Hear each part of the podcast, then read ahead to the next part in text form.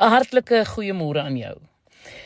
Soms maak dit nie saak hoe hard ons bid of hoe lank ons in geloof volhard nie.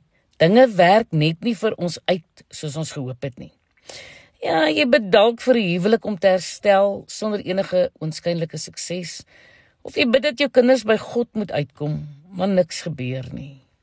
Ons moet egter aanhou bid. Indien jy mismoedig, vol pyn of met 'n stikkende hart sit, is daar goeie nuus. God het 'n ander plan. Ja, wanneer een deur toe gaan, sal hy 'n ander deur vir jou oopmaak.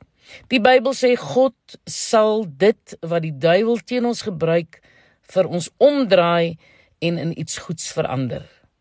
Josef se lewe getuig hiervan. Gaan lees dit gerus weer. Josef het alle rede gehad om bitter te wees teenoor sy broers, selfs haat te dra of te treur oor sy lot. Maar hy kies om God se seën op sy lewe raak te sien ten spyte van al die terugslag. Hy sê vir sy broers: "Julle wou my kwaad aandoen, maar God wou daarmee goed doen. God het altyd 'n ander plan, 'n veel beter plan." Jy kan niks aan die verlede doen nie, maar jy kan fokus op dit wat kan wees. Ja Samuel se hart is gebroke wanneer God sou wil verwerp.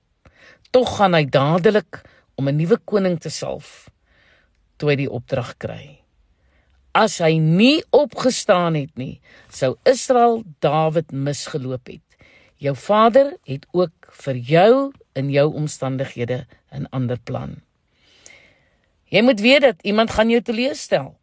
Iemand gaan jou in jou rug steek, jou verwerp of heeltemal faal. Wanneer dit gebeur, moet jy besluit dat jy gaan lief hê asof jy nog nooit seer gekry het nie.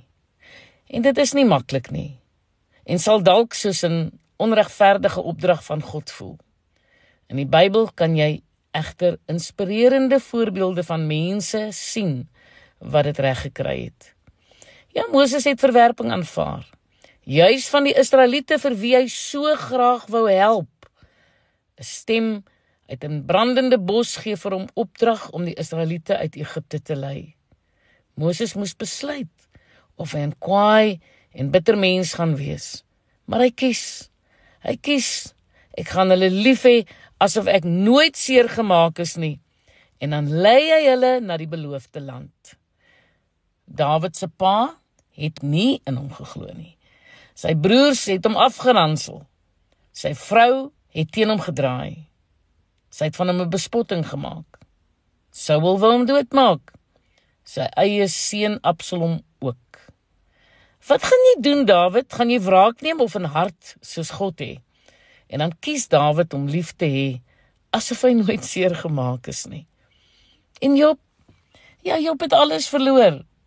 Die uitdaging Wees bitter en vloek God Job? Nee, ek sal hom nie vloek nie. Ek gaan hom lief hê. En nadat Job vir sy vriende gebid het, het God sy omstandighede verander. En jy? Gaan jy kwaad met kwaad vergeld en bitter bly?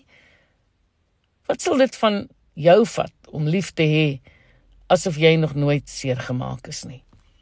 Om God se droom oor my lewe voluit te leef, vra van my om die verskonings en beperkings wat ek op myself plaas te oorkom. Ja slegs 'n duidelike gedefinieerde droom met aksieplanne gekoppel aan datums gee ons daaglikse motivering om aan te gaan en die verlede agter ons te sit. Staan op, vat sy hand en beweeg doelbewus vorentoe in die rigting van jou droom. Moet nie deur jou verlede bestuur word nie. Sonder 'n toekomsverwagting sal jy voortdurend terug verwys na dinge wat in jou gisters gebeur het. Dan het jy nie meer drome nie en sien nie eens die pad wat God vir jou uitgelê het raak nie. Maak jou los van wat gister gebeur het, van dit wat agter jou is en strek jou uit na wat voor jou is. Ons leer daarvan in Filippense 3 vers 13.